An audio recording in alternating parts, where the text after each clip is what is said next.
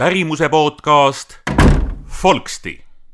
tervitused kõigile pärimuse sõpradele. Te kuulate pärimuse podcasti nimega Folksti, mina olen saatejuht Kristi Pumbo ja minu vastas istub folklorist ja kultuuriloolane Marju Kõivupuu, tere! tere kõikidele folgihuvilistele! täna me räägime sellisest teemast, mis puudutab absoluutselt meid kõiki ja selleks teemaks on surm või, või suremine laiemas mõistes ja kõik see siis, mis sellega kaasas käib ja me räägime siis äh, uskumustest, tavadest, kommetest minevikus, aga me püüame mõista ka siis seda, mida aeg vahepeal nende uskumustega teinud on ja, ja mis viisil, mis kombel need uskumused teisenenud on. ja alustuseks ma võib-olla ütleks seda, et mina ei ole ebausklik. ma ei hakka värisema näiteks, kui must kass läheb üle tee või, või ma näiteks ei märka seda, mis jalaga ma hommikul voodist üles tõusen, see ei oma mulle mingit tähtsust, aga ma pean ütlema, et kui ma näiteks ärkan öösel unes selle peale üles, et ma kuulen väga palju koputust, aga ma ärkan tegelikult vaikusesse või päevasel ajal on aknaklaasi taga lind, kes koputab aknaklaasi peale, siis ma, no ma tunnen ärevust. mulle tundub, et see võib olla äkki mingi surmaenne. ja mis põhjusel, sellepärast et elus on paar korda juhtunud et mingid taolised ended on või on need kokkusattumused, kes seda teab, aga see mingi hirm on jäänud sisse, aga just nimelt sellepärast, et see surm on nii raputav sündmus, see muudab meie elu ikka pikaks ajaks, kui, kui keegi lähedane läheb ära. ja nüüd ma alustuseks küsiksingi seda, et surmaended kui sellised, et kuidas vanarahvas neisse suhtus, et kas olid teada mingid kindlad surmaended, mille põhjal tehti kohe kindlasti järeldus, et nüüd on majja surma oodata või, või siis mitte? No ikka olid, sellepärast et inimese elu on ajalik ja otsustada, kui kaua meile siin ilmas neid päevi antud on, et ega, ega seda ei ole ju tegelikult võimalik, me ei tea seda. ja eh, kui sa nüüd niimoodi küsid, et eh, siis eh, tuleta mulle pärast meelde, et ka mina räägin sulle ühe loo, isikliku loo, mis on ka seotud lindudega, aga pisut hiljem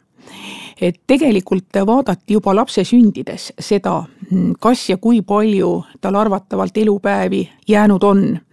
no sünnitati ju varasematel aegadel kodus, eh, vastu võtsid see küla naised, targad ämmamoorid, kes teadsid, kuidas teha, kuidas aidata. ja siis näiteks, kui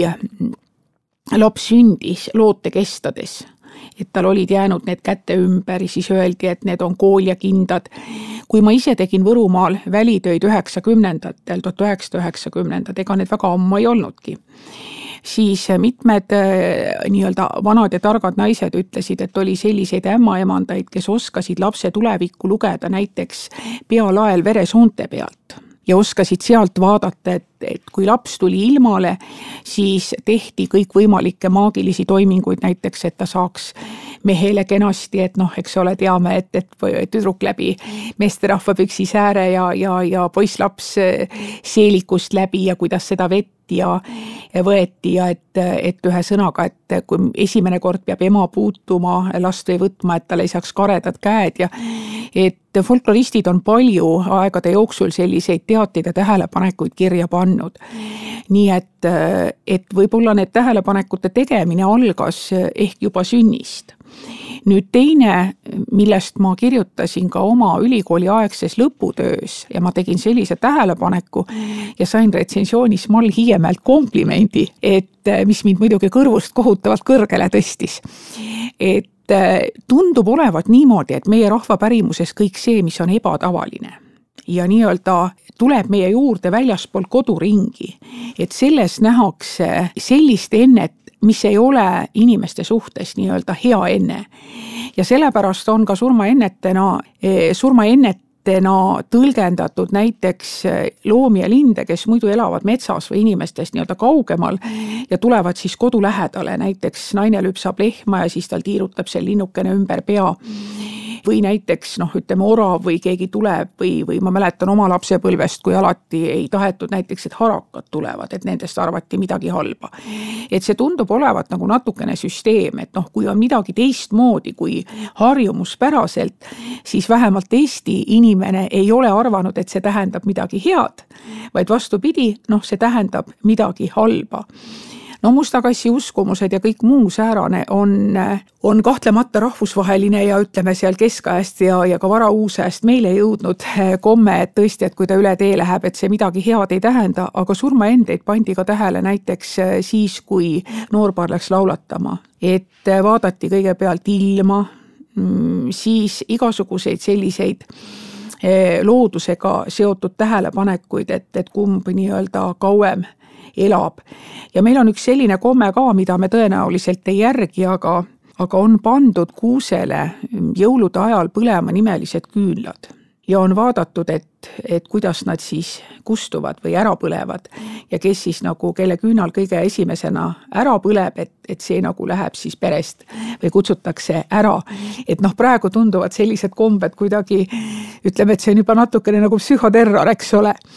et et see on, see teema on läinud inimestele korda ja kahtlemata need endid ja tähelepanekud on ka ajas muutunud, aga ma julgeks öelda, et see on omal kombel ajatu teema. Ja nüüd ma räägiksin sulle selle loo, mis on minu enda lapsepõlvest seitsmekümnendatest pärit. ma olen seda lugu ka loengus rääkinud mitut korda ja öelnud, et ka minu maailmavaade on pigem teaduslik aga kui tekivad mingisugused kokkulangevused sellega, mis su elus juhtub ja mille kohta oled sa rahvapärimusest lugenud või kuulnud, et noh, siis paratamatult jääb õhku küsimus, aga võib-olla tõesti. aga lugu ise oli laias laastus järgmine ma olen kogu aeg olnud lapsest saadik tohutu loodushuviline ja niimoodi mina toitsin ka talvel linde ja pidasin siis päevikut, et millised linnud seal kõik käivad ja juhtus olema väga, ütleme, väga külm talv, eh, kuuekümnendate seal lõpp, ma ei mäleta, kas aasta võis olla kas kuuskümmend üheksa või midagi. aga igal juhul tuli väga mitut sorti rähne ja puukoristajaid ja porre ja selliseid, kes nagu väikelinnas toidulauale iga päev ei tule. noh, mina olin kohutavalt õnnelik, mina tegin märkmeid ja kirjutasin ülesse ja no sain koolis kiita, patsid tõusid kohe kõrgemale ja aga mul Läti tädi ja minu vanaema, mamma, see Võru vanaema, nemad ei vaadanud üldse sellele nagu väga hea pilguga. ja, ja ma ei saanud nagu aru, et noh, milles see küsimus on, et keegi nagu mulle midagi ei ütle, aga ma saan, laps tajub ka, et midagi nagu ei ole hästi aga paraku juhtus niimoodi, et kevadel, kui lumed hakkasid sulama, siis minu armas ja kallis Läti tädi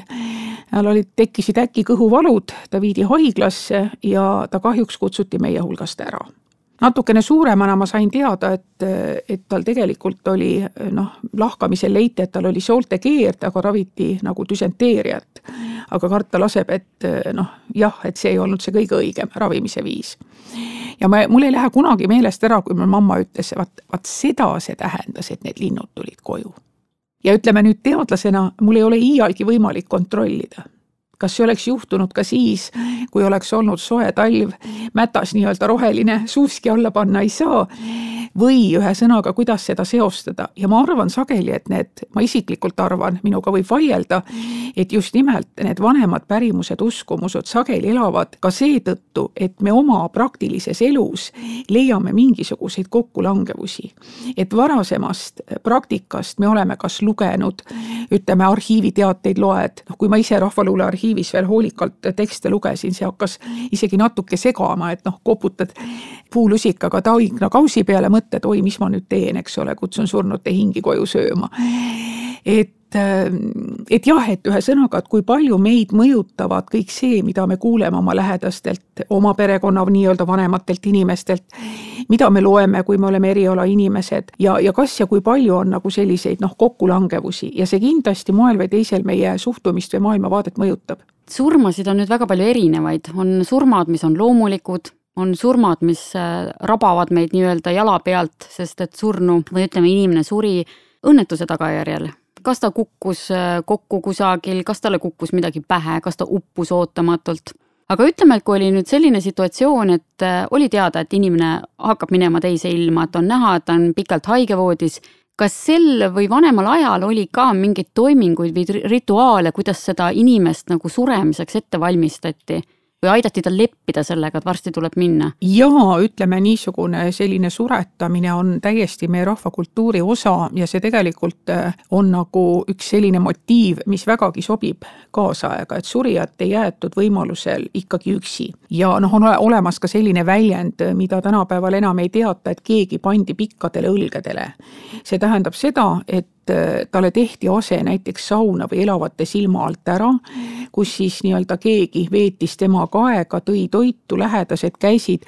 ta oli omade keskel, aga võib-olla mitte päris selles ruumis, kus noh, käis elu, sest nagu me kõik teame, kes me oleme muuseumides käinud ja lugenud, et Rehe-Tares oldi koos, aga nõue oli see, et surija tahab rahu ja vaikust, et hing saaks rahulikult ära minna ja olen lugenud setu materjale, mida on kogutud ja olen täheldanud seal, et näiteks see seto kuuekeelne kannel või noh, palju tal neid keeli seal parasjagu peal oli, kas oli neid kuus või paar tükki rohkem. et äh, mängiti kannelt kui nii-öelda äh, Taaveti või Taavidi pilli äh, surija juures, et tema hing saaks rahulikult ära minna. Et surijale võimaldati rahu ja vaikust ja teda käidi nagu vaatamas ja tema eest hoolitseti nii-öelda vajalikul määral just nimelt sellepärast, et hing lahkuks kehast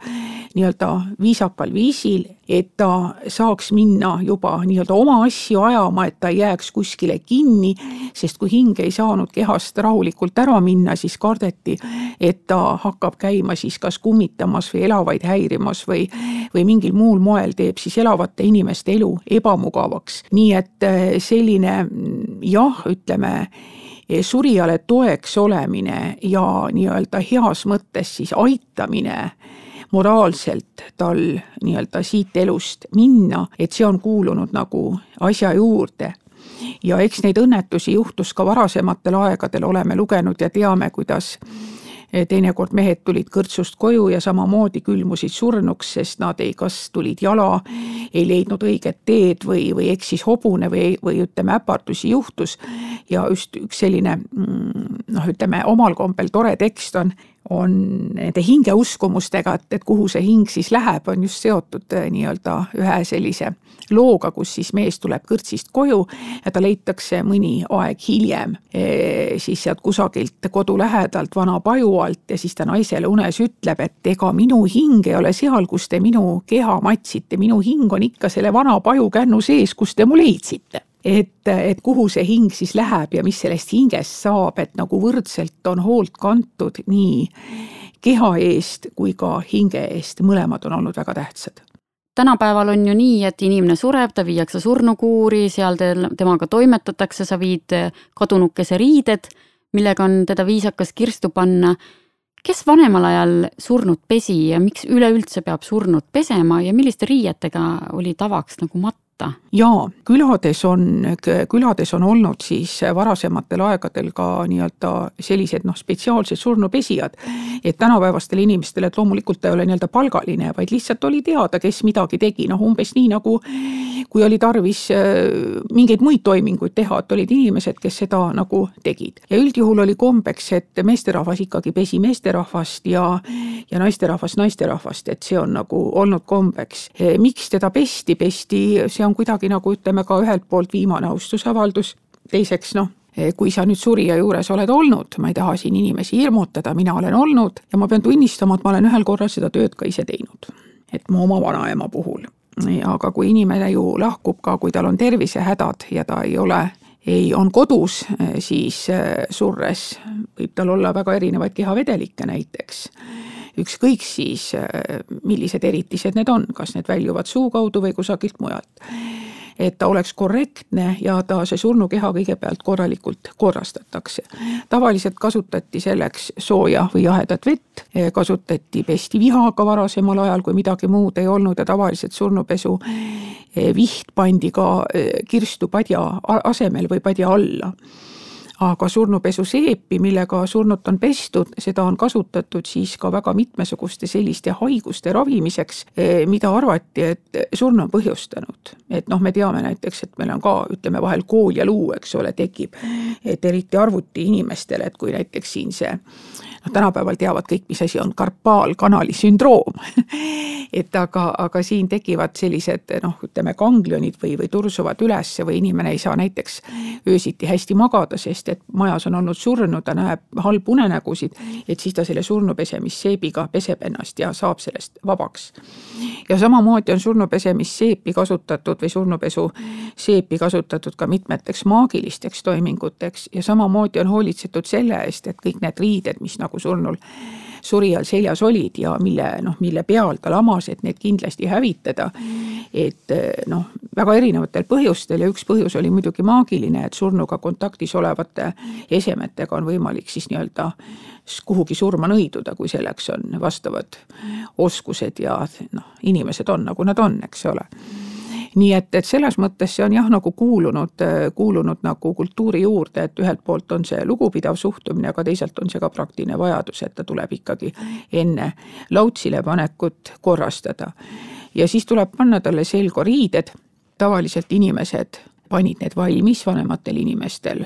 on need kompsukesed kapis olemas, tänapäeva noored inimesed noh, nagu on võib-olla pisut kohkunud, et kuidas siis nii aga mina olen ka selles eas, et minu lapsed teavad, mida peaks mulle selga panema selleks puhuks ja kuskohast neid asju leida. ja kindlasti pandi parimad riided mõnikord pandi kirstu kaasa ka leerikleit ja kui oli noorem naisterahvas, siis teinekord ka maeti selles samas kleidis, millega teda laulatati või pandi näiteks kirstu kaasa tema leerikleit või midagi, et noh, kirstu, need asjad, mis pandi. aga mu kõigepealt muidugi jah, kodus oli see, et kõigepealt pandi surnu lautsile. et see oli siis spetsiaalne surnulava, lavats või lava,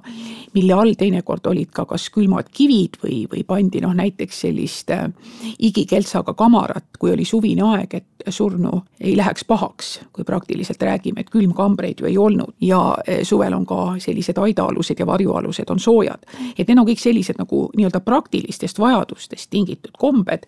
mida tarvitati teha, sest kirstu tavaliselt pandi päev enne matust, aga enne oli siis surnu lautsil ja oli siis riides ja jah, ja vist ma sain nüüd kõikidele küsimustele vastatud. jah, sai küll aga sealt nüüd edasi minnes ma tahaks küsida sellise, sellise toimingu kohta, nagu seda on surnud valvamine. see tänasel päeval meil enam kuidagi meelde või pähe ei tule või see võimaluski võib-olla on ära kadunud ja, kohati, aga, aga mida see täpsemalt siis tähendab, et kas sa võiksid seda niimoodi lahti seletada, et kes käisid seda surnut valvamas ja mis otstarve seal oli? ja ikka, noh, tänapäeval ei ole tõesti see võimalik, sellepärast et üldjuhul surnut enam ei tooda koju. kui surnud veel kodus olid enne matmist, siis ma oma lapsepõlvest ka seda mäletan et äh, käidi kõigepealt äh, nii-öelda surnut vaatamas, et uuem komme või selle surnu valvamise juures see edasiarendus ongi see, et kui surnu on siis kas kirstu või lautsile pandud, siis lähemad kogukonna liikmed tulevad nagu temaga omal kombel hüvasti jätma Eh, pakutakse natukene suupistet toitu, räägitakse juttu ja see võib-olla näitas ka teatud sellist eh, inimese staatust külakogukonnas, et kui palju neid vaatamas käijaid olid. et kui neid oli palju, et noh, siis oli nagu lugupeetud ja armastatud inimene aga kui me läheme nüüd sammukese tagasi, surnu valvamine on tegelikult ka tingitud nii praktilistest kui taaskord usundilistest põhjustest. praktiline põhjus on see, et kus seda surnut siis ikka hoiti, tavaliselt hoiti kas aida või rehe all aga seal liikus äh, rotte ja hiiri ja nad kindlasti tundsid huvi selle surnukeha vastu. kahjuks, tänapäeval, kui seda rääkides, ma tean, et inimesed hirmuvad ja ütlevad, kuidas siis nii, aga kes on maal näiteks elanud ja kas või näiteks äh, kellel on olnud sead, kellel on emis ja teavad, et kui põrsad sünnivad, siis tuleb hästi hoolega jälgida, et rotid ei tuleks, ei teeks äh, põrsastele liiga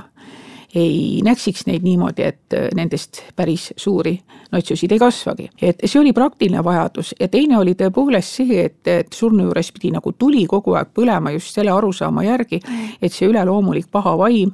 no ütleme kristlikus kontekstis ütleme siis kurat ei tuleks seal mingisuguseid oma asju ajama ja õiendama, et, et see kõik oli nagu tehtud selleks, et et inimese surnukeha ja hingega ei juhtuks midagi halba ja sellepärast tuli valvata, et kõik oleks nagu korras. ja noh, tavaliselt mida siis surnuvalvajad sõid,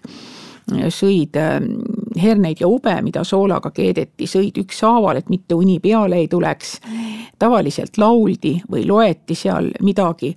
ja et, et noh, kõik oleks nagu, nagu korras, et tänapäeval jah, need asjad on, on natukene nagu teistmoodi. ja ka surnuvalvajateks olid noh, tavaliselt ütleme, võib-olla siin lähisajanditel juba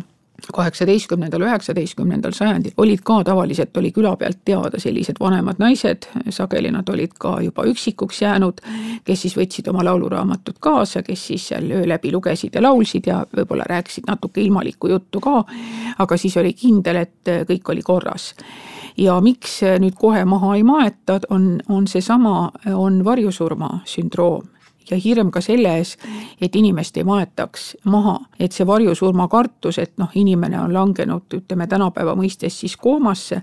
et, et noh, selleks, et teha kindlaks, kas ta on surnud, noh kasutatakse sageli peeglit, eks ole. aga kus kohas sa, sa sadu aastaid tagasi talumajapidamiste peeglit võtad või midagi, noh vaata, kui inimene hingab, eks ole, see muutub uduseks et, et just, et inimene ei saaks nagu enne õiget aega maha maetud, et see oli ka hästi oluline, et inimese juures oldi, nii et et taaskord iga kombe taga on ühelt poolt natukene pragmaatilised põhjused, aga kindlasti on nendel ka usuline varjund või, või koloriit juures. ärimuse podcast Folksti. suur, suur surma poole, Kiku kirik Kaia poole jalahehen pääperanna, käe risti rinna peal. noh, kas neid viiest surnuaid on? kõiki ju, jalakehen ja pääperann mina mäletan oma lapsepõlves seda, kui suri vanaisa, olime Pärnumaal ja meil oli küll hüvastijätt oli kodust. tulid naabrid, külanaised, vaatasid kadunukest, kiitsid, kui hea ta välja näeb ja vanaema ütles, et äh, värava kõrvale tuleb panna kaks kuuske. Ja üks latt tuleb ära murda, aga noh, matuste aeg, kõik on natuke närvilised. Ja isa ja tema vend siis äh, murdsid äh, ladvad ära. tuleb vanaema välja, hakkab kõva häälega nutma, täiesti endast väljas, sellepärast et tuli välja, et ära tuleb murda üks latv, aga nemad murdsid mõlemad ära ei tule, võib murda mõlemat sellisel juhul, kui äh, lähe-, saadetakse ära ka teine abielupool, nagu just, ma jutust aru saan, üks abielupool oli elus ja, ja tema latva ei tohi murda. ja, ja vot keegi ei teadnud ja vanaema loomulikult võttis seda nii südamesse, nutab kõva häälega ja hakkab ütlema, et no nüüd, nüüd te ootate minu surma, sellepärast te ju seda tegite, no ütle siis leinaajale või püüa inimesele selgeks teha, et no lihtsalt ei teadnud mm. -hmm. et kuidas see surnu ärasaatmine Mm, siis on ka nüüd nende kommetega seotud, et, et mida seal tuli jälgida või järgida või et eh, peale nende kuuselatvade murdmise? jah, ega see eh, niisugused leinakuused ka, et ütleme, kui võtame nüüd niimoodi päris, päris niimoodi sadade ja sadade aastate lõikes, eks ta on rohkem pigem nagu ikka meie lähimineviku komme. aga tõsi ta on jah, et, et üldiselt on kombeks, et kui on abielupaar eh, ja üks abielupaari, üks pooltest on elus, et jah, et, et siis on ühel ladval on on või üks latv on murtud ja ja muidugi, kui on üksik inimene, siis murtakse mõlemad oksad või kui näiteks, või mõlemad ladvad, vabandust. ja vot siin on üks selline komme ka nende kuusega, eks ma olen ka traditsioonilises külas üles kasvanud ja, ja vähemalt üks komme, mis puhul ka mu lapsed teavad, et ma lähen koledasti endast ära. ja see on nimelt jõulupuu, kui tuuakse tuppa. jõulupuu võetakse alati alt lühemaks, mitte kunagi ei minda jõulupuu ladva kallale, sellepärast et, et noh, selles ladva murdmises nähakse nagu seda äh, surmaennet, miks, eks ole, puu kasvabki ülespoole. Ja sa murradki nagu selle nii-öelda selle elu jätku, murrad katki aga Eestimaa on ju sajandeid olnud suhteliselt niimoodi, ühesõnaga, et eri piirkondades on elatud suhteliselt isoleeritud, et inimesed ei ole omavahel väga kokku puutunud. ja igas maanurgas on need ärasaatmiskombed olnud natukene isemoodi. täpselt samamoodi nagu näiteks ütleme, Eesti ja Liivimaa kubermang, nii nagu Eesti kunagi jaotatud oli, eks ole, Põhja-Eesti natuke väiksem osa ja Liivimaa kubermang haaras endasse ka väga suure osa Põhja-Lätist ja, ja allapoolegi veel ja kirikuõpetajatel on siis olemas nii-öelda agendad, eks ole, kus on pandud kirja, milliseid talitusi tuleb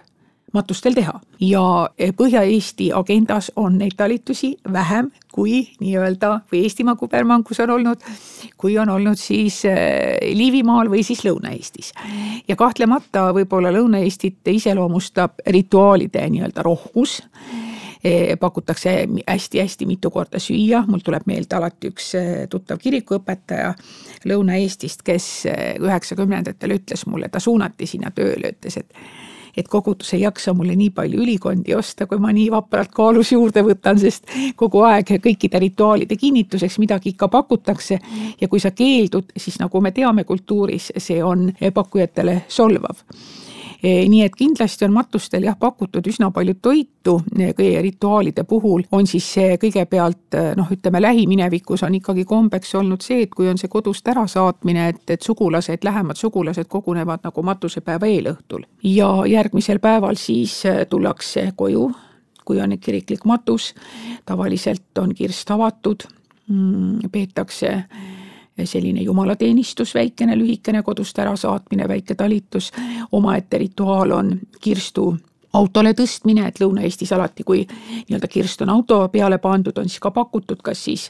pitsikene natukene teravamat ja sinna juurde midagi, mingisugust toitu.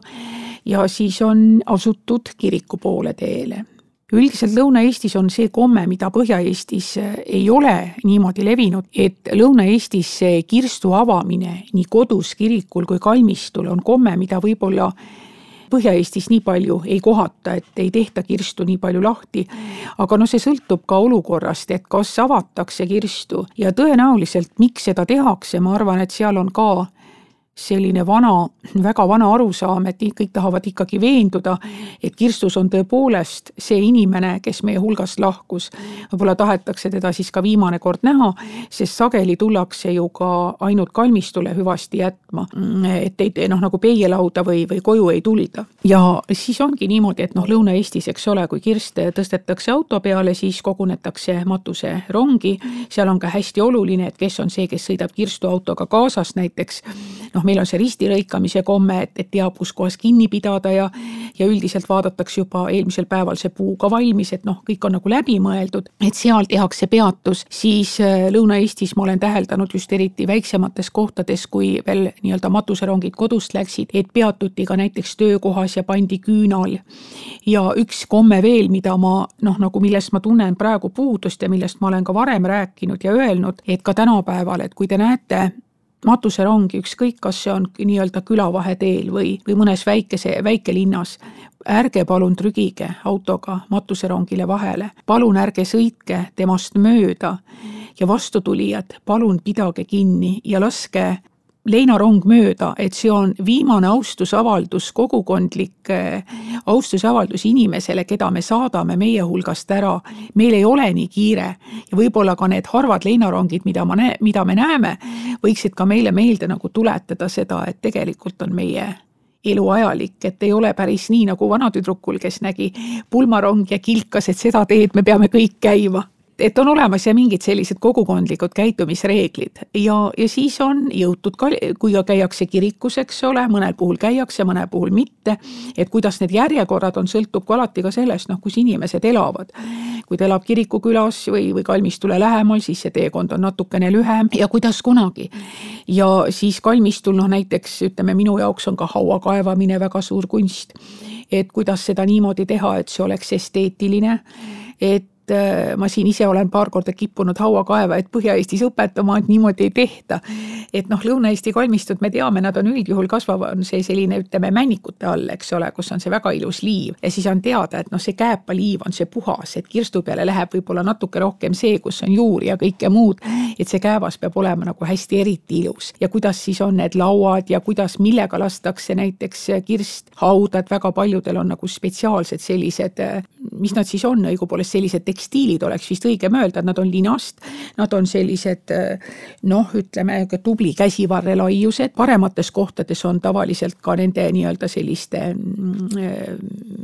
linade või otsa tikitud midagi, näiteks kas ristimärk või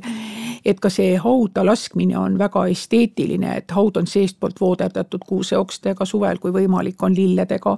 ja noh, tavaliselt kõik see, mis on mis siis on see, et kui hakatakse hauda kinni ajama, et kõik see läheb sinna. ah jaa, seda ma ei öelnud, et kui on kodust minek, et siis kõik need kuused ja kõik korjatakse hästi ruttu kokku, et pühitakse see kõik ruttu, ruttu, ruttu, ruttu ära, et mida kiiremini, seda parem, et muidu ei tuleks surm, eks ole ja loomulikult kolm peotäit mulda, mis on meil kristlikust kultuurist on saanud, saanud selgeks. lähedased ennem, natukene kaugemad, pisut varem lauldakse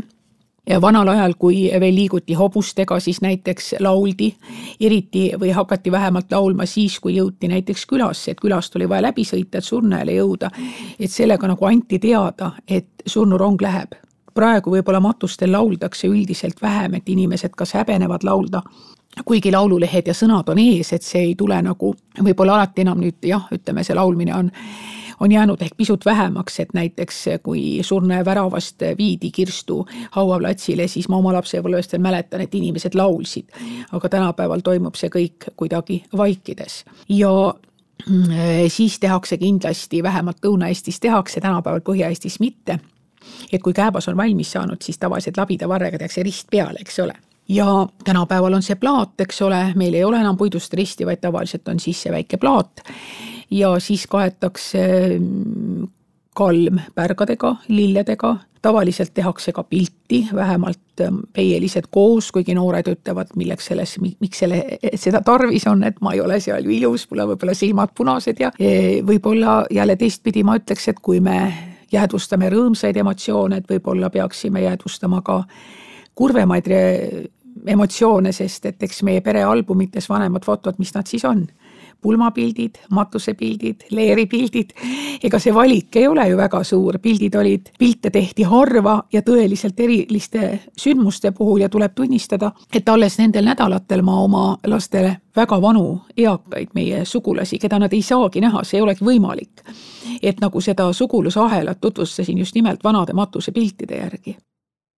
sellega seoses mul tuleb meelde, et kui minu vanaema, Võru mamma siis äh, ka läks teise ilma, me saime ka päranduseks tema fotoalbumid ja temal oli siis selline komme, et on vanad matusepildid või leeripildid või sünnipäevapildid ja kõik need, kes olid juba surnud, nendele ta oli pastapliiatsiga pea kohale risti teinud. ja tuleb tuttav ette, ka minu kodu ja. kogu, kogudes on selliseid pilte, kus on nagu ära märgitud, keda enam ei ole. ja, ja ühel päeval ma vaatasin seda, mõtlesin, ma võin tema elutööd jätkata, nüüd ma võin lihtsalt tõmmata. lihtsalt kõik, ühesõnaga lihtsalt kõikidele tõmmata, just nimelt. aga vot siit jõuamegi tänapäeva ka, et, et kui me siin alati küsitakse, et noh, mida tänapäeval hingedepäeval teha, siis ma ütlengi, aga otsige need vanad fotoalbumid välja, võtke peres see aeg õhtu, tehke mõnus tee, mingisugune suupiste, vaadake koos ja jutustage lugusid, et, et lastel ja järeltulijatel on huvitav teada ja ega samas on ka see, et kui mind ei provotseerita lugusid rääkima, ega mul lähevad nad endal ka meelest ära, sellepärast et, et kui ma noh, inimestest, kes on olnud meie sugulased või hõimlased, keda ma mäletan elusast peast, kui ma olin võib-olla seal kuue-seitsmeaastane väike tüdruk. et kui ma neid mälestusi nagu jutustades ei värskenda, siis nad mattuvad kultuurikihi alla, nii nagu ka esemed meie, meie toas ja meie ümber, et, et see on väga, väga iseloomulik. ja noh, kui me nüüd tagasi korraks kalmistule põikame, et kui need pildid on tehtud ja kõik muud, et siis üldiselt on pakutud ka kalmistu väravas toitu, et kõiki ei ole nagu peielauda kutsutud ja need inimesed, kes on tulnud surnut ära saatma, et kas on olnud siis pitsikene kangemat või, või pakutud on pirukat, tavaliselt on kirikuõpetajale on antud kaasa ja hauakaevajatele on antud kaasa ka natukene peietoitu või siis näiteks kindad või midagi, et noh, see on selline kogukondlik tänu, et, et ega siis palju siis selles rahas maksti, eks ole. et tuletatagu meelde seda, et, et mõjub kehakaalule halvasti, kui on vaja käia pulmades ja matustel et igal pool pakutakse väga palju toitu. aga ja kellele, vabandust, ma segasin nüüd vahele, aga kellele neid peielaudasid vaja oli, kas seda oli pigem vaja surnule või pigem elavatele? teate, matusekombeid ilmselt on ikkagi vaja elavatele. Et kui me vaatame praegu noh, ütleme mitmesuguseid surmaga seotud selliseid või neid kohti, kus surm meid puudutab, eh, siis eh, võib-olla ka Estonia huku puhul on see, et väga paljudel inimestel on need rituaalid jäänud täitmata et või kui me näiteks tänapäeval räägime, ütleme sellisest ähm, surmakultuurist äh, internetis nii-öelda digiversioonis, eks ole et siis kindlasti on just nimelt see, et kuidas me aru saame, eks ole, et et võib-olla meie Facebooki sõpra enam ei ole, aga tegelikult noh, me tema kehaliselt või et teda ei ole ju nii-öelda kohal. et kindlasti on, need on, need on vajalikud inimestele just nimelt kasvõi sellepärast, et kui keegi meie hulgast lahkub ka suguvõsas, me tegelikult organiseerume ümber, meie noh, sotsiaalne staatus tegelikult muutub, võib-olla tänapäeval ei ole see ehk nii oluline, et kes on lesk või, või kes on jäänud orvuks või aga varasematel aegadel oli see tegelikult väga tähtis ka kogukondlikus mõttes stiilis, et kes kelle eest hoolitseb, kellele jääb talu, kellele jääb majapidamine, kuidas nüüd elu ümber läheb, et tegelikult me organiseerime oma, oma perekonnas või kellest saab äkki nii-öelda perekonnapea ilma noh, seda ise väga tahtmatagi, eks ole, praegu kui me seda vestlust siin salvestame, siis olid hiljuti ju kuninganna matused ja kui me vaatame, kuidas praegu meedia arutleb, et mismoodi seal kõik nüüd ümber korraldub, et mida see kõik tähendab, see on hoopis teistsugusel tasandil, kui Eesti, Eesti inimeste elus iialgi olnud on, aga sisuliselt samad protsessid on ikkagi olnud. et kes võtab nüüd talu üle, võib-olla kes hakkab hoolitsema nooremate õdede või vendade eest, kellest võib-olla äkki saab hoopiski vanem vend või vanem õde, kes peab hakkama nüüd midagi teisiti tegema. et kõigepealt juba need rollimuutused teiseks kindlasti on hästi oluline rituaal, on, on koos söömine ja vestlemine eks ole, kui täpselt samamoodi, nagu me peame mingeid ärilõunaid või töökohtumisi, me läheme välja, me võtame head toitu, see toidu jagamine, see osadus, mis tekib, et me, me sööme koos, me, me räägime koos, me meenutame koos. ma ei taha kunagi öelda, et eesti keeles ei ole sobivat sõna et see mind kohutavalt ärritab, aga samas äh, ma pean tõdema, et võib-olla päris täpselt sellist head väljendit ei ole, mis on nagu ütleme, saksakeelses teadus- ja kultuuriruumis, mis markeeribki seda, et ütleme, see nagu see leinatöö või leinategevus või leinaprotsess, et me tegelikult laseme selle endast noh, igasuguste tegevustega läbi. ja, ja see on meile vajalik meile endale psüühiliselt sellepärast, et nüüd muutunud olukorras hakkama saada. ma olen juba piisavalt vana inimene ja ka minu eakaaslasi on läinud ja sa võtad võtad oma telefoni ja sa äkki tead, et keegi ei helista sulle enam või, või mingisugune koht jääb nagu tühjaks, mis on olnud sinu elu osa, eks ole. noh, ütleme, kui me siin saatsime mis saab nüüd kaks aastat, kui me saatsime hea Igor Tõnurist, siis ma mõtlesin, et mitte keegi ei tule mulle enam maikuu ukse taga ja ei laula, et naabri Mari, ma tõin sulle korulauku. et noh, need on sellised väikesed pisikesed sellised võib-olla sellised ka olmelised asjad või sulle keegi ette, sa ei võtagi enam telefonitoru, vaatad tuttav number ja äkki küsib, et ja seda inimest, kes on võib-olla kolmkümmend viimast aastat su käest küsinud, noh, kus teil siis elu lätt? aga seda enam ei tule. ja sa pead võib-olla ise olema keegi, kes hakkab nüüd helistama ja kellegi käest küsima samu asju. et sellepärast ma arvan, et need rituaalid on, on meile elavatele väga vajalikud ja samas see annab ka meile kinnitust, et kui meie siit läheme, et siis meie eest hoolitsetakse jah, ja nii on. Ja tegelikult on üks asi veel, mis, mida tänapäeval noh, mõned järgivad, enamus mitte, aga on see, et meil on surnu, meil on surnu maha maetud, meil on peielaud peetud, inimesed on kodudesse läinud, aga elavatele tegelikult jääb ka teatav kohustus ikkagi seda surnut veel meeles pidada. õigeusu kiriku mm -hmm. traditsioonis nelikümmend päeva, sa pead iga päev palvetama oma lähedaste eest, kes on läinud ja, ja et ikkagi sa vastutad endiselt selle eest, sest sa usud, et sinu palve aitab tal jõuda paremasse ja. paika. ja loomulikult, et tegelikult noh, ütleme ka mitte, mitte õigeusklikele sellistele, ütleme kas luterlastel või poolluterlastel on kombeks, et mingisugune aeg pärast matuseid tullakse koju kogu korraks veel kokku, et on see siis noh, ütleme, me teame seda, et õigeusu traditsioonide kohaselt, eks ole, nelikümmend päeva hing nagu viibiks meie keskel. ja, ja sellel ajal tõesti tuleb paluda, et ta siis jõuaks võimalikult eh, vaevatult nii-öelda paremasse paika, aga, aga see, et tullakse nagu korraks kokku, ja mälestatakse, meenutatakse, on, on paiguti täiesti olemas. et, et see on nagu just nimelt see, et, et me paneme sellele leinale nagu punkti, et noh, kes on piiblit lugenud ja kes teavad, et minu, eh, teavad, et koguja raamatus on, eks ole, et iga asja jaoks on nagu oma aeg. ja muuseas ka meie rahvalauludes ja üldse ka ütleme, Balti rahvaste rahvalauludes, Leedu ja Läti tainades kohtame seda motiivi, kuidas surnu hakkab ennast unes näitama ja palub ennast mitte liiga palju taga nutta, sellepärast et tema kirst juba ujub vees. Et vot see on omakorda nagu seesama siis ütleme, selline eluterve psühholoogia, mis nagu toetab seda mõtet, et igale asjale siin ilmas on oma aeg, eks ole, aeg rõõmustada, aeg leinata, aeg tööd teha, aeg puhata, ma nüüd mälu järgi siin tsiteerin et võib-olla ka varasemad ajad nagu natukene seda reguleerisid ja, ja et, et kuidas sellega nagu nagu toime tulla ja samas on ka tõesti see, et noh, et, et ka inimesed, kui ma olen rääkinud noh, niimoodi kohtumistel on küsinud, et et noh, et, et pannakse, et meil ei ole nagu selliseid, ütleme selliseid käsiraamatuid, kes ei kuulu mingisse koguduste, et mõnikord ütleb, et aga mulle öeldakse, et alles sul suri ja sina umbes nüüd teed seda või teist või kolmandat, et meil ei ole nagu seda leinaaega reglementeeritud, aga mingisugune jah, selline kuu või, või mingi aeg pärast seda, et, et korraks maha istuda, kokku tulla minu pärast kas, et, et noh, see võib-olla kitsamas pereringis, et oleks nii mõnelgi puhul üsna asjakohane ja nüüd äh, me räägime siis hingede päevast ja hingede kuust ja, ja tahakski küsida nüüd lõpetuseks sellist asja, et äh, kui me juba arvame, et surnu on läinud, siis me ometigi ootame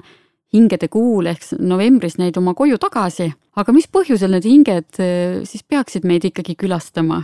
Et vaadata, kas meil läheb hästi ja meie tegemisi õnnistada. et ega siis see inimene olnud läbi aegade omal veidral kombel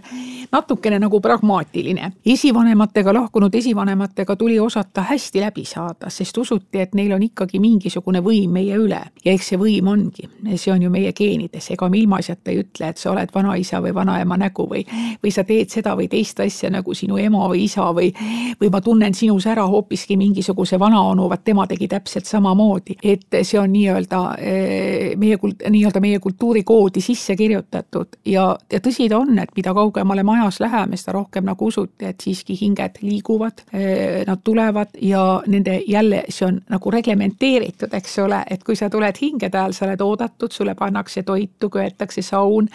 eh, sind võetakse lahkesti vastu, näidatakse seda, et noh, me saame ju hakkama, eks ole. et õnnista meid ja meie täname sind, aga kui sa tuled mingil muul ajal, kui sa pole oodatud ja niisama kolistad, eks ole, eks needki on meie südametunnistuse vaevad, et, et võib-olla me oleme jätnud midagi tegemata, võib-olla me oleme matused teinud teisiti, võib-olla me pole tema viimaste soovidega arvestanud, et kui palju seal taga on meie oma nii-öelda südametunnistuse vaevu. aga tegelikult noh, me hoiame seda ju mälus ja, ja taaskord see ei ole uus mõte, ma olen seda korduvalt öelnud tänastele inimestele, et mõelge. Sadu aastaid tagasi võis inimene oma elu niimoodi ära elada, et ta tegelikult iseenda nägu peeglist ei näinud aga meie elame maailmas, kus me saame praktiliselt dokumenteerida peaaegu iga hetke. Ja meil on praegu võrreldes siin kas või kolme, neljakümne, neljakümne aastase taguse ajaga kordades rohkem on meil erinevaid dokumente meie lähedastest. Et mida tähendab mälestustes elama, siis sadu aastaid tagasi tähendas see kindlasti sootuks midagi muud kuidas sa hoiad inimest meeles, kuidas sa mäletad. ei pane lihtsalt videot käima või ei lappa niimoodi kopsakaid äh, fotoalbumeid või ei ava arvutis mõnda kausta või ei vaata teda, eks ole et selles suhtes on meie mälu ja mäletamine liikunud eh, nii-öelda digirevolutsiooniga sootuks teistsugusele tasandile ja siis, kui, kui sa noh, nagu mõtetes käid, et ega võib-olla surnuaiale polnud ju ka niimoodi võimalik nii tihti käia, sest füüsiline töö iseenda ja oma pere elatamine nõudis tohutut aega ja ressurssi. et noh, tänapäeval meil on palju nagu vaba aega käes ja me ei suuda enam seda mõista, kuidas elada niimoodi, kui sa peadki kõik ise kodus praktiliselt tegema, et ainukene, mida sa poest ostad, on soola ja heeringat, eks ole, ja lambiõli et, et see on nagu jah, meie nagu ajastu, ajastu, ajastu vahe, et et mismoodi see on, kuidas me võtamegi, võtamegi võib-olla mõne hetke ja võib-olla jalutame surnuaeda ja, ja mõtleme nende inimeste peale, tänu kellele me tegelikult oleme sellised, nagu me oleme. kõikide oma heade, heade, heade ja mitte nii heade külgedega. ja, ja vaatame, eks ole, et ahaa, et oota, sul on, eks ole, see või teine pöial või, või sa teed asju niimoodi, et, et, et see on, see on omal kombel liigutav ja, ja see seob meid üheks ahelaks. et ega me seda me võime selle ahela nii-öelda näiliselt katki lõigata, ega me praktiliselt seda kunagi katki lõigata ei saa, et vahel öeldakse tõrjuvalt, et noh, piiblist ka loeme, et, et tegelikult, eks ole, et vanemate patud nuheldakse nii-öelda seitse põlve, aga aga kõik eelläinud noh, inimeste tehtud otsused ja need mõjutavad meid paratamatult, need mustrid, mis me perekonnast kaasa võtame. me lihtsalt ripume selles ahelas ja midagi pole parata. nii see on igatahes ma väga tänan Marju selle vestluse eest, pean ütlema, et vahepeal tuli pisar silma, aga ma väga loodan, et see saade paneb mõtlema ja võib-olla näiteks aitab mõnel inimesel isegi leinavalust üle saada, et ma arvan, et me kõik oleme tundnud seda oma elus, et lähedane lahkub, aga midagi oli selle matuse toimingu juures nagu väga valesti et midagi on nagu puudu, aga see ongi see, et see tee eh, lahku, lahkunu saatmiseks kalmuaeda, see jääb liiga lühikeseks. jah, meie neid rituaale jääb väheks, et, et kui me siin oleme ka teinud eh, koolitusi nendele inimestele, kes leinatalitusi läbi viivad, siis ma olen ka öelnud, et ärge kartke rituaale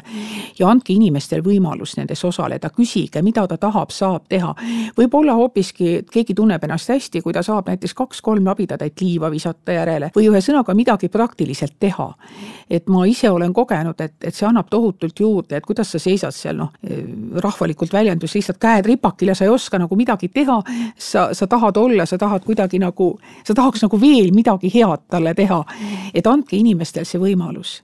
ja ma arvan ka seda, et ega pisarad ei ole kurjast, et täpselt samamoodi nagu Fred Jüssi õpetab meid molutama, ma julgen öelda ka, et õpime ka teinekord oma valu välja elama ja sellega toime tulema, seda ei pea kuskile alla suruma. head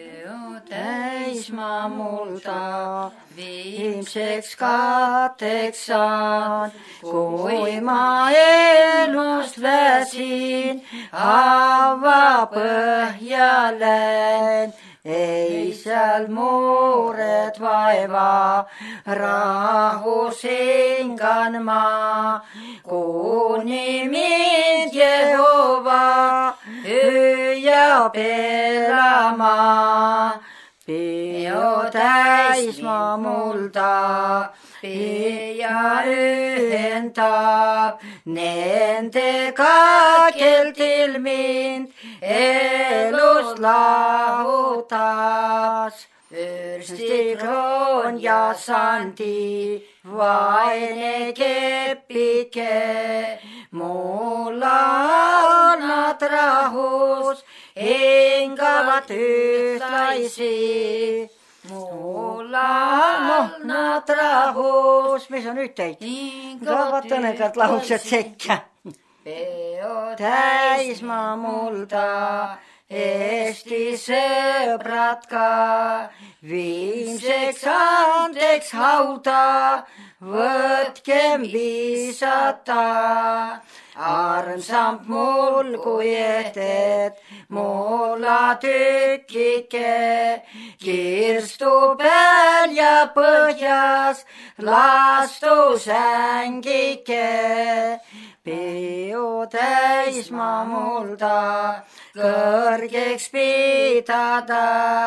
Tahan eluajal teda austada. muld mind, muld mind toidab, katab, kannab ilma peal. viimaks üksnes kaitseb mullast ihu veel mu peo täismaa mulda, üksi üle jääb, kui kõik jõud ja noorus mullaks jälle saab. mullast olen võetud, mulda lähen ma, mullast võtab isa, kord mind ärata